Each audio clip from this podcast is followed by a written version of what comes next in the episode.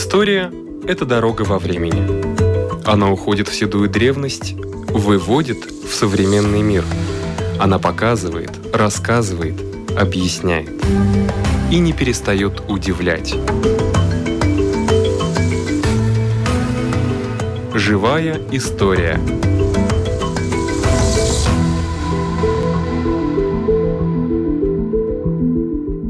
У микрофона Лидия Чера.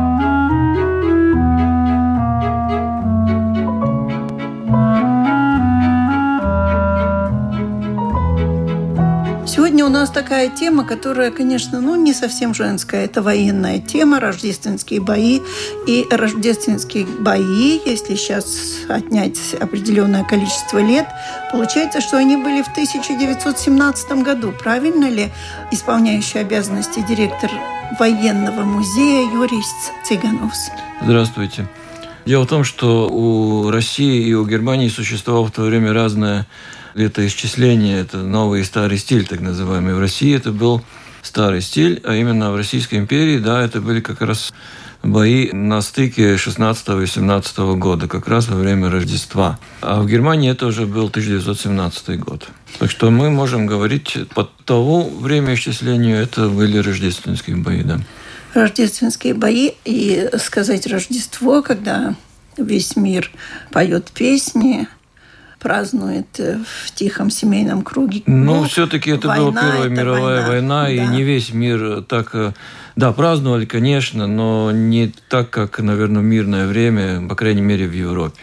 Что бы хотелось сказать об этих боях? Знаете, очень много противоречивых мнений. Надеюсь, что уже со временем как-то определились, что русские генералы были плохи в этих условиях, в этих боях, насколько я понимаю. А латыши проявили очень большой героизм, но все равно потери были очень велики. Да, действительно, то событие, которое мы в нашей историографии называем рождественские бои, иногда ее называют и Ялговская или Метавская операция, это, если мы смотрим европейский контекст Первой мировой войны, контекст Первой мировой войны вообще, то на общем фоне это все-таки локальное сражение, которое большой стратегической роли не играла, если мы смотрим в общем контексте, ну, может быть, даже вот это российско-немецкого фронта, который был здесь, в Восточной Европе, Восточноевропейского фронта. Сравнимо, например, с той же самой битвой под Верденом, например, или битвой под Сеной – Рождественские бои как раз связаны напрямую с Верденской военной операцией, а именно Метавская наступательная операция или Ялговская наступательная операция, наступательная операция в сторону Ялговы. Российским военным командованием, российской ставкой было предусмотрено как отвлекающий маневр, чтобы по просьбе союзников, чтобы они могли чуть послабить именно фронт под Верденом. То есть Западный фронт, чтобы он получил какое-то небольшое послабление для того, чтобы Западный фронт мог подготовиться к генеральному наступлению на немцев. То есть великобританские и французские войска. Именно поэтому эта операция в Земгале и в Курзаме считалась вот этим отвлекающим маневром. То есть одно дело, что декларировали солдатам – а другое дело, что предусматривалось на самом деле. Латышские стрелковые полки, которые, объединенные в одну дивизию, были одним из главной ударной силой, Конечно, им на уровне пропаганды сказали, что это операция по началу освобождению э, Родины. То есть вы сейчас будете наступать, вы прорвете фронт, вы освободите сначала Ялгову, потом всю Курляндию, э, потом всю Курзаме, и вы возвратитесь домой. Все беженцы возвратятся домой. Это освобождение тех земель, которые сейчас находятся под немцами. Великая мотивация. Естественно, да. И как раз латышские стрелковые полки и сибирские стрелковые полки были те, которые э, начали наступление, которые прорвали фронт, и сделали это, и углубились на территорию врага где-то примерно 20-25 километров, в самом большом случае – но никакого дальнейшего прорыва не, не, не, произошло, не последовало. Да. И, э, в принципе, через 5-6 дней, рождественские бои длились где-то 5-6 дней, все возвратились обратно на позиции, те, которые были перед наступлением. То есть наступил тот же самый статус-кво, который был перед вот этой военной операцией. Стратегический успех вообще-то не был предусмотрен. Ну, в случае успеха, да, конечно, может быть, но не было никакого стратегического резерва, чтобы эти наступательные э, успехи развить. И это имело последствия не только, вот как я сказал, может быть, стратегическое, но скорее психологическое, ну и последствия политическое. То есть это потом умело использовали большевистские агитаторы, которые говорили, что из-за бездарности царских генералов, из-за того, что царские политики и царские генералы, и сам царь бросил латышей на как пушечное мясо, вот это имело потом очень большой пропагандистский успех. Хотя, если посмотреть вот э, с военно-оперативной точки зрения, то операция была довольно новаторская, потому что прорыв вражеских заграждений, вражеских траншей без артиллерийской подготовки ночью была спланирована довольно хорошо. Но другое дело, что на местах иногда реализация планированного оставалась лучшего. Ну, это детали, может быть. Это действительно такие военные детали, которые интересны только военным специалистам. Да. Да, возможно, где-то и была и бездарность, и не только российских генералов, русских генералов, а некоторые латышские стрелковые офицеры проявили себя не лучшим образом, но они были те же русские офицеры. Ну, только... достаточно было. Э, да, неправильной ориентации, ну, то есть я имею в виду ориентации на местности. Да, да, да. Иногда не туда зашли, не то, что было спланировано, осуществлялось мешала погода, рельеф, иногда незнание этого рельефа. Это много факторов, которые тоже в совокупности вот сделали вот свое дело. Но главным образом это то, что после довольно успешного прорыва немецких позиций латышские стрелки и сибирские стрелковые полки не сделали свое дело. Ничего не последовало дальше. Но была еще и газовая атака применена.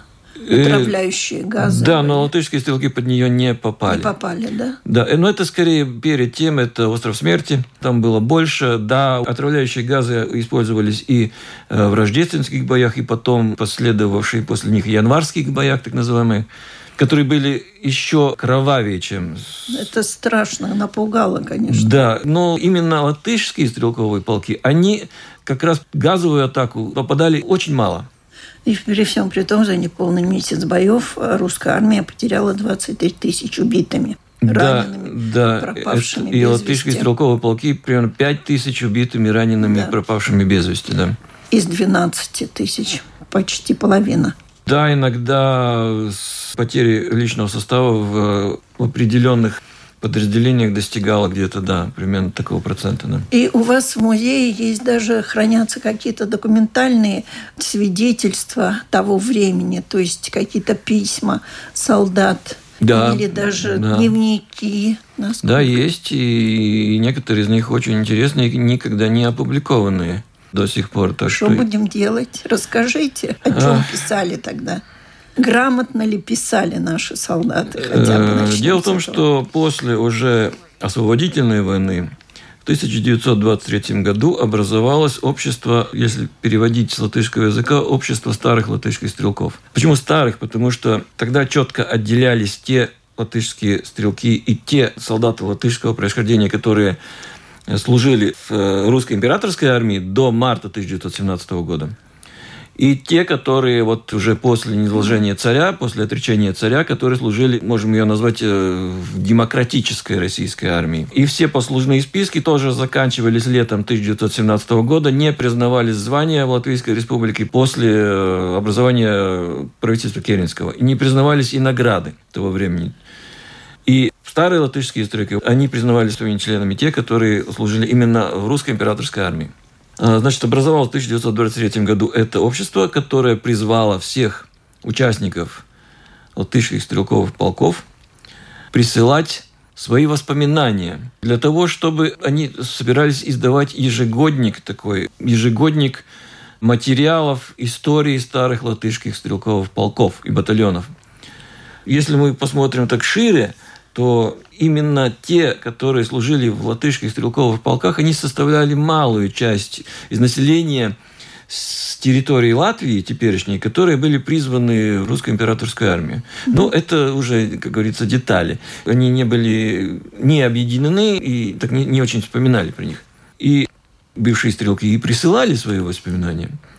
Были такие, которые писали в нужном русле, в нужной концепции. То есть, конечно, этот нарратив был такой, что нужно писать все-таки ну, о патриотизме, о подвигах, о такой светлой стороны, если можно ее так назвать, войны. Но были и такие, которые писали о своих ежедневных ощущениях, как они воспринимали боевые действия как люди.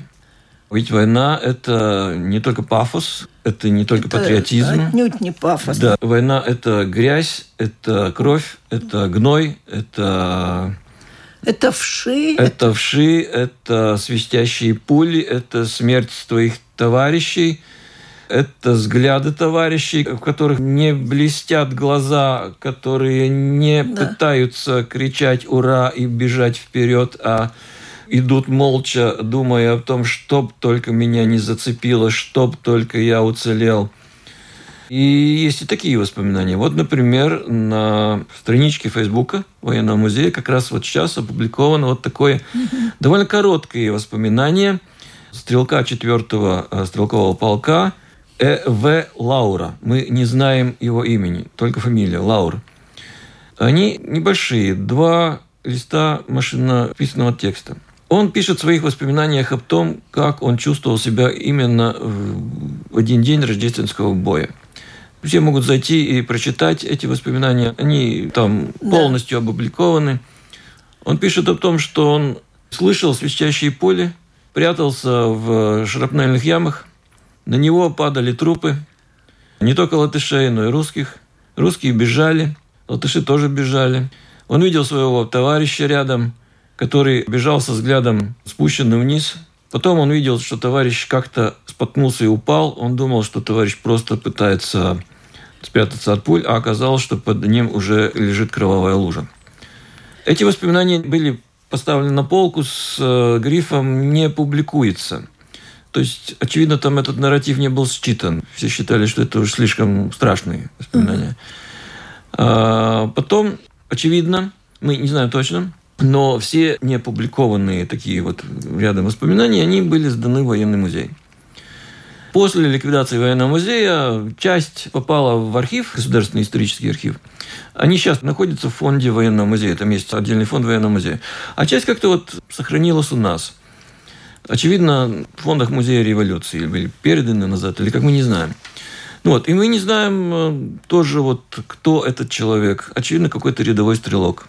Как говорил, даже имени его не знаем. Но, безусловно, это интересные свидетельства, и, очевидно, такие появятся все больше и больше, потому что то время их публиковать не хотели, слишком страшно. Да, потом, но прошло время. Потом тоже как-то, наверное, когда... Ну, в советское время понятно, что это нехорошо было про да. стрелков что-то вспоминать вообще, только по красных.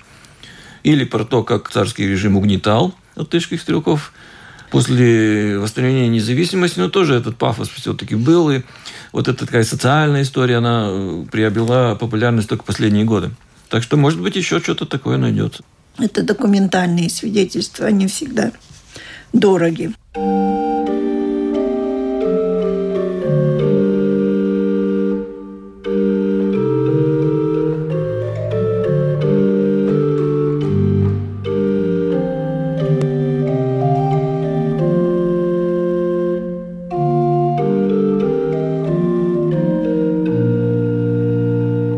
Эти дни и День памяти Оскара Калпака.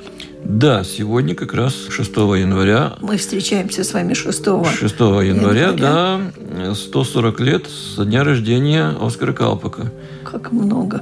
Да, сегодня все как-то да, много, все да. Как-то с много датами, ничего. да, 125 лет рождественским боям, 140 лет Оскару Калпаку.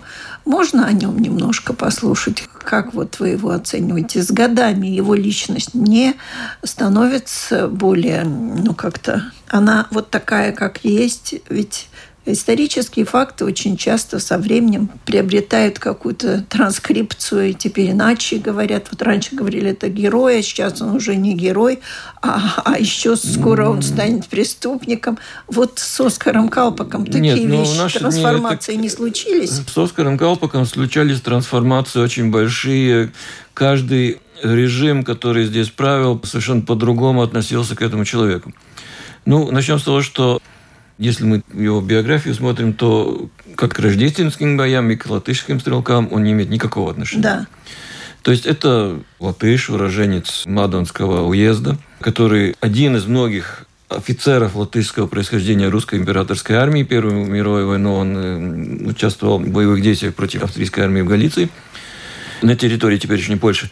И он был одним из первых, который офицером вступил в ряды новоформировавшихся э, латышских военных частей, которые находились под командованием Временного правительства Латвийской Республики. Нужно понимать, что сразу после того, как э, была прокламирована Латвийская Республика, как была провозглашена Латвийская Республика, то есть 18 ноября 1918 года, это был только один акт и группы политиков, которые выдавали желаемое за действительность. Именно у Латвийской Республики не было ничего, было только название. Ни собственных вооруженных сил, ни собственных институций государственного ну, строя. Ничего, Вообще да. ничего не было. Не было ни средств, ни, ни оружия. Да. Была только идея. И к тому же эта идея была не у всех. Это было у небольшой группы людей. В том числе среди этих людей были, конечно, и офицеры, и солдаты. Большинство, или даже большое большинство, наверное, все в то время, это были бывшие офицеры и солдаты русской императорской армии, латышского происхождения. Были у нас и полковники, и генералы в то время. Многие из них находились здесь, на территории Латвии, которая в то время была оккупирована немцами. А в Германии уже произошла ноябрьская революция 1918 года. Германская армия начала демократизироваться, а это для армии смерть. Начала отступать. С востока очень быстро наступала Красная армия, в рядах которых находились и красные латышские стрелки, то есть многие из тех, которые участвовали и в рождественских боях, то же самое.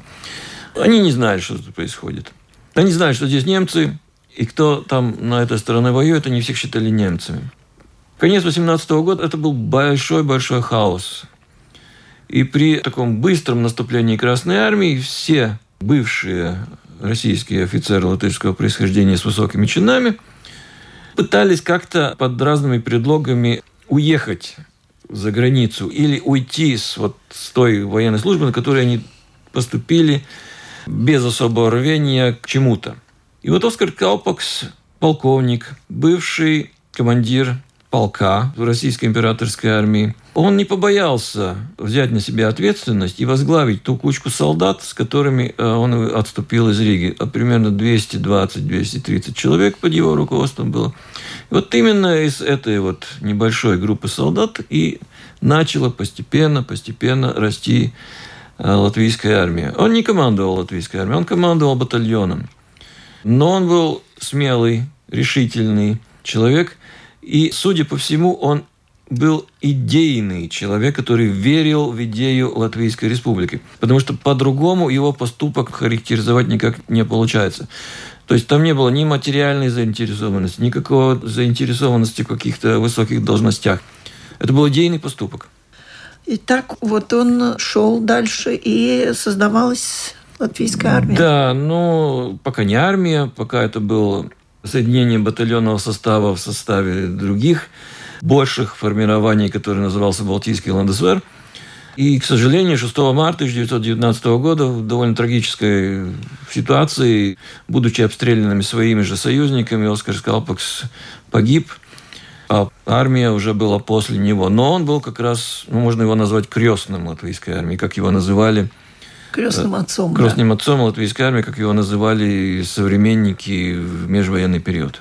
И есть музей Оскара Калпака тоже. Да, это наш филиал. Он находится на месте, где как раз он э, пал. Вайритес, это между Скрундой и Салдусом.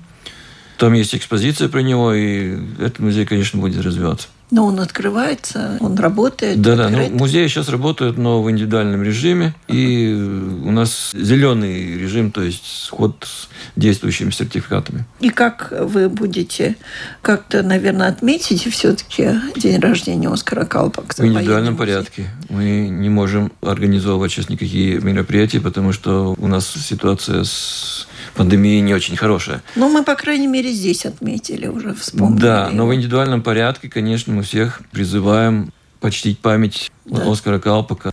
Ну, мы, например, сегодня шли к памятнику Оскара Калпа, который находится в Риге на площади Спланады, и почили его память свечками. Сейчас там горят 140 свечей э, в честь того, что у него сегодня 140 день рождения. Спасибо большое за то, что вы пришли к нам, рассказали. Это всегда и интересно, и это надо знать, это наша история. Конечно, я думаю, что каждому здесь живущему, ну, хотя бы немножко-немножко, но истоки нашего государства, конечно, нужно знать. А Оскар Скалпакс, он стоял как раз у истоков вооруженных сил, а вооруженные силы, кстати, были те, которые, победив всех врагов, внешних и внутренних, они и Латвийскую республику создали. Спасибо. У нашего микрофона был исполняющий обязанности директора военного музея Юрис Цыгановс.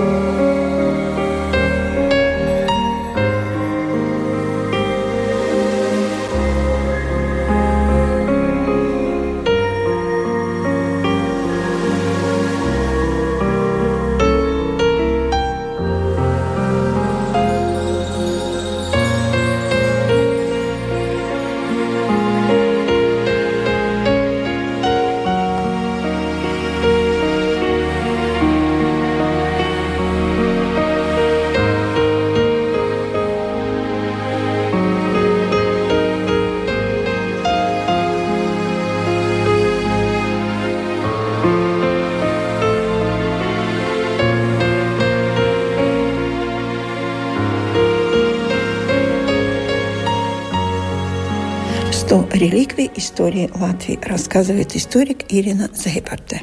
Одна из реликвий, которую мы выбрали в число этих ста реликвий, очень интересна не только своей, ну, например, историей, но даже и тем, что эта реликвия связана почти с э, кругосветным путешествием, через которое прошли латышские солдаты, латышские воины.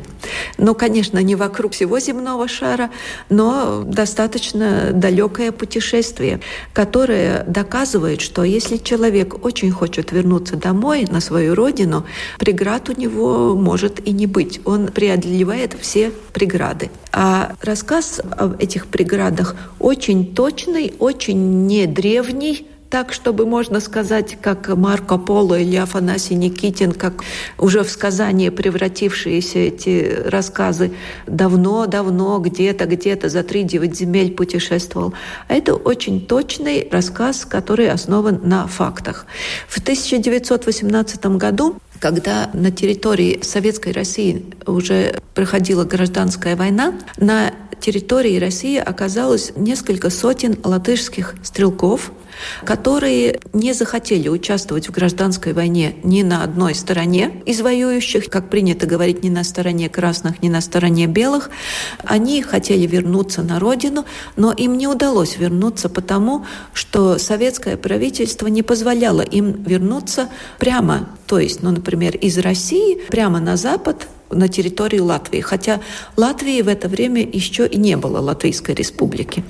И поэтому, чтобы сохранить в конце концов своей жизни, эти стрелки решили не расходиться, остаться как воинские формирования. И в это время союзники, в конкретном случае Франция, стали думать уже о том, как использовать любую воинскую силу, чтобы обратить ее против Германии. 14 ноября 1918 года начали формировать полк Иманта. Название истинно латышское по имени героя, погибшего против епископа католического в конце XII века – и в этот полк могли вступить бывшие латышские стрелки, беженцы Первой мировой войны, которые оказались на территории Сибири и Приуралья, и которые были согласны воевать против Германии. Но, как известно, 11 ноября 1918 года было заключено перемирие. Против Германии уже воевать не надо было. Но полк был образован, и было ясно, что эти люди, если им не нужно воевать против Германии, они обязательно хотят вернуться домой в Латвию. Но так как нельзя было повернуть прямо на запад и идти прямо домой, в Латвию, они повернули в противоположную сторону. И представьте себе, через всю Сибирь, через Дальний Восток, не очень-то мирно были и некоторые мелкие стычки вооруженные по этому пути, потому что территория огромная, путь огромен, несколько тысяч километров. Страна Советская Россия объята гражданской войной, но они пробились до Владивостока. До... А сколько их было? Вообще их было два полка. Это несколько сотен э, в каждом полку. Большая вот, сила. например, вернулись в Латвию 900 солдат полка Иманта. И еще Троицкий батальон был. И они добрались до Дальнего Востока, где союзники Антанта предоставили им корабли, пароходы, на которых можно было бы вернуться домой. И вот представьте себе карту. Они отплывают из Владивостока, отплыли на нескольких кораблях, на нескольких пароходах, начиная с 25 февраля 1920 года, то есть э, шли больше года передвигались по территории Сибири и Дальнего Востока. И на нескольких кораблях, отплыв от Владивостока, плыли, значит, мимо Японии, мимо Китая, мимо Индонезии, всей Юго-Восточной Азии, мимо полуострова Индостан, мимо Цейлона, потом э, мимо э, Арабского полуострова через Суэцкий канал – через все Средиземное море, мимо Пиренейского полуострова и в Великобританию. Там, после отдыха в Великобритании, они отправились обратно в Лепаю и потом уже в Ригу, куда они прибыли через несколько месяцев. И это вот путешествие, которое заняло несколько месяцев, как и на пароходе тех времен. Солдаты этих полков и полка Иманта, и Троицкого батальона – они проводили довольно активно. Например, у нас в музее сохранился журнал этого судна, одного из пароходов, на котором они плыли, в котором они записывали не так, как капитан судна ведет судовой журнал, а, в общем, занимались творчеством. Так как на пароходе не было пишущей машинки, журнал писался от руки, и это были уже художественные произведения, заметки, стихотворения, эссе, и они иллюстрировались. Так как на пароходе плыли и несколько человек, которые потом стали заметными лицами латышскими художниками, например, Карлис Балтгайлис, э, Александр Скрука, то эти журналы очень иллюстрировались, да. да, высококачественно иллюстрированы. Сохранились, в общем, шесть выпусков этого журнала. Журнал назывался «Кайя», «Чайка», то есть если чайка, не один, да? нет, это коллективное mm. творчество. Mm-hmm. И если чайка, то она имеет, ну, не номер один, не номер два, а должна иметь полет. Он так и назывался Кайес Скрейенс. Полет номер один, полет номер два, полет номер три. И сохранилось, дошло до нас и несколько дневников этих э, воинов, которые вот э, совершали путешествия. Но самое для нас интересное, и я думаю, самое такое эмоциональное, которое перешло к нам, работникам музея, от этих воинов, которые возвращались на родину, это несколько десятков экзотических предметов. То есть на пароходе стрелки и плывшие частные лица на этих пароходах, они образовали некоторую такую общую кассу, в которую каждый сколько мог в складчину сложились немного денег. Как они тратили эти деньги? Про все я точно сказать не могу, но одну часть в каждом порту, в который заходил пароход для того, чтобы ну, уголь загрузить, просто припасы загрузить и так далее, солдаты сходили на берег и покупали вещи, которые были сделаны местными ремесленниками и которые характеризовали местный быт. Например, как жили люди и что изготавливали в Цейлоне, в Сингапуре. Покупали эти вещи. Но Потом уже на музей против тянет. квитанции именно на музей. Потом они получали из этой общей кассы квитанцию, на которой так и написано для передачи в Латышский музей. Они еще не видели Республику Латвии, они в ней никогда не были. Они только думали, что они возвращаются, что хотят возвратиться домой. Они только знали, подозревали о том, что тут есть музей, им казалось нужным из своих маленьких-маленьких, немногих бедных денег купить какую-то вещь, чтобы привезти и сдать в музей. И действительно, знаете, привезли, действительно сдали, сдали вещи, сдали эти квитанции, которые являются неопровержимыми документами того, что это так, как я рассказываю, и действительно мы их храним. Мы очень-очень гордимся этими вещами. А реликвия, которая включена в число этой сотни, это нагрудный знак этого полка, полка Иманта, солдаты которого настолько ну, может быть, не героически показали себя на поле боя, но показали себя настолько патриотами, что мы можем ими только-только гордиться. Это мы и делаем. А на этом наша программа заканчивается. Всего вам доброго.